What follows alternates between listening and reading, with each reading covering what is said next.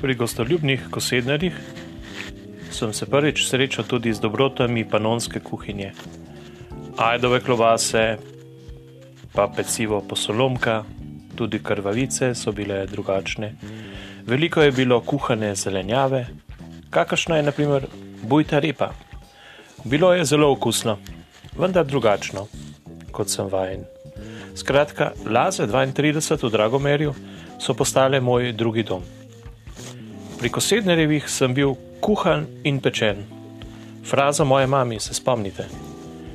Večkrat sem bil pri njih pozabil tudi kakšen kos oblačila in je veselo na njihovem stopiš, stopnišču kar nekaj časa.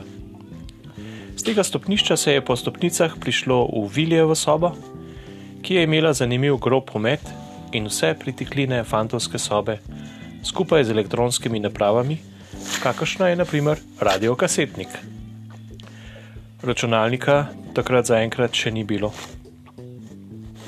Spektrum je imel Vili v omari v veliki dnevni sobi, ki je bila osrednji prostor v hiši.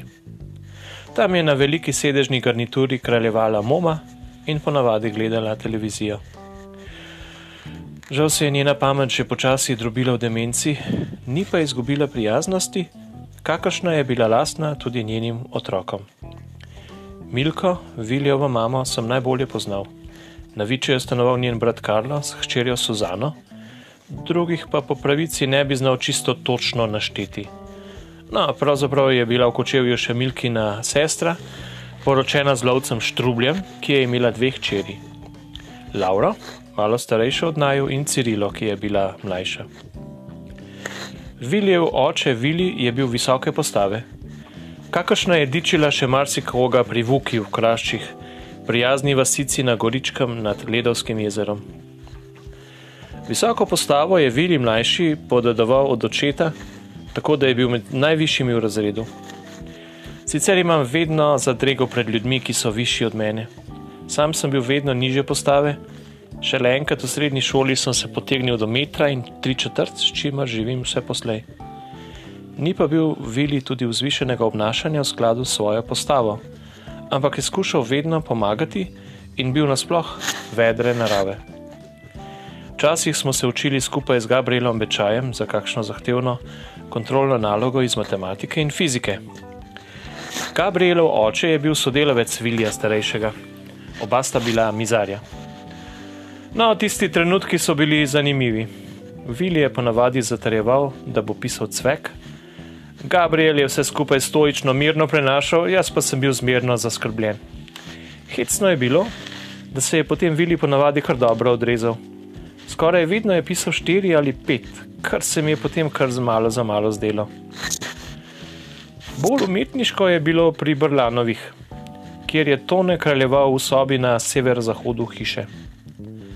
Najbolj sem si njihovo domovanje zapomnil po glasbenem centru Hitači in električni kitari Muzima, ki jo je Tone ponavadi priklopil kar na Hitačija. Potrpežljivi Japonec je z leti malce uhripel zaradi glasne Japonke, tako da je šel ta glasbeni zakon na razen. Pri Viliju ali pri Toniju naj jo je živahni Brlan začel učiti kitare in eden prvih naukov je bil odstrani najlonske strune ter na kobilico navis strune iz švedskega jekla, da se prsti čim prej utrdijo. Tako se je zgodilo tudi z melodijno kitaro C106, ki smo jo kupili nekoč Vili, Peter Kopač in Marko Kadivec, ko smo koračili po Wolfovi cesti in se ustavili v glasbeni trgovini na vogalu Wolfove ulice in Prešernovega trga. Ta kitara je pomenila v mojem življenju začetek rokerske kariere, ki sicer nikoli ni prišla v zenit, ampak je vedno medlela na ravni kitare za žure in za dušo. Ena od prvih skladb, ki smo jo nabijali na rock and roll način, je, bil hate, je bila Hate Tonight skupine CCR, Creedence Clearwater Revival. Na to melodijo smo peli tudi jugoslovansko himno Hej Slovani in se nam je kar dobro zdelo, nekako zarotniško je bilo vse skupaj. Prsti kandidatov Miha in Vilija sicer niso ravno krvaveli, so se pa punčice kar hitro utrdile tako da so zdržale tudi po pol ure neprekinjenega držanja akordov E, A in H7. Medtem pa sta palec in kazalec udrihala s trzalko po zgornjih basovskih strunah. Moram priznati, da smo imeli kar dobrega učitelja. Tone je bil nedvomno talentiran, saj je menda učil osnov tudi poznejšega kitarista skupine Avia Band. Tonetov oče je delal kot mesar v Merkatorju na Rožanski v Ljubljani. To je bil prijazen človek, vendar velik trgovec po duši, pri Barantanju ni prizanašal niti najbližjim. Mogoče se je tudi po kakšni kupčiji v njihovi garaži znašel kavč zapakiran v škatlo. Moj prijatelj Tone, ki je rad prebiral postolovske romane, je nekoč kar nekajkrat v to škatlo vrgel pipec. Ko je pozneje oče Tone škatlo odprl, je zgrozo ugotovil, da je kavč povsem preluknjen. Ne vem, kako sta upravila toneta med sabo. Povsem brez posledic za mlajšega verjetno ni šlo. Še posebej, ker se je izkazalo, da kavč menda sploh ni bil brlanov, ampak od nekega soseda. V obnebju Dragomerja je v sosednji ulici v Loki živel že omenjeni Borut Strnat ki smo mu na pol šali rekli tudi Brutus Rahiticus ali pa Rebus, ker zagonitne nravi je zagotovo bil. Borut je primer umirjenega človeka, ki se ne razborja pretirano zaradi stvari, ki jih ne more spremeniti. Ko se je na tržišču pojavila znamenita plošča Born in the USA, The Bossa, Brucea Springsteena, s katere so skoraj vse pesmi postale hiti, si je Borut zaželel, da mu prijatelj Tony Brlan na celo kasteto presname samo eno pesem, namreč balado I'm on Fire. Za to pesem je obstajal tudi video, v katerem so bile malo obsceni prizori poljubljanja, kakršnih takrat še nismo bili vajeni. Naše obnemje so bile torej vinilke in kasete. Z prvih smo si presnemavali naslednje in jih poslušali na vse pretege.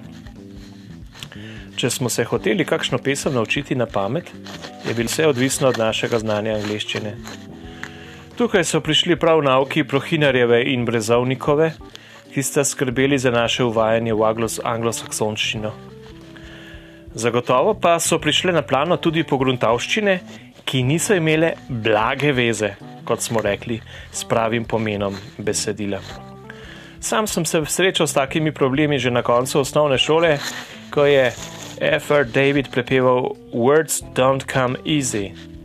Jaz pa sem to razumel po italijanski šigi Words don't come easy, ker itak nima smisla. V teh naših zagatah so nam prav prišla besedila pesmi na glasbenih stranih politikinega zabavnika. Ta besedila, ki sem si jih izrezoval in zbiral, sem nekoč skušal zabarantati s Tonetovo starejšo sestro Irino Brlan ki je bila moja sošolka v osnovni šoli, vendar ni kazala pretiranega zanimanja. Še eno poletje se je s 1. augustom začelo približevati neizbežnemu koncu. Vmes je bila še tradicionalna veselica v Dragomeru na predvečer, predvečer Velikega Šmarna, ki smo ga takrat praznovali še bolj potihem. Konec poletja sem se odpravil na sejem radbenih učbenikov v Križanke. Za računalniško šolo se je odločil tudi Roni Pinter iz Dragomera, ki je bil sošolec mojega bratranca Vinka. Pogodila sva se za enega od učbenikov, menda je šlo za elektri, elektrotehnički priročnik. Ni minilo dolgo in spet smo obtičali v šolskih klopih na Viču. V prikolici pri avtobusni postaji sta še vedno prodajala hot-dog in hrvaška sladolede znamke Ledo, gospod z Bundesliga frizuro in zatemnjenimi očali, ter lojze z jezera pod Krimom, ki so ga klicali Doza.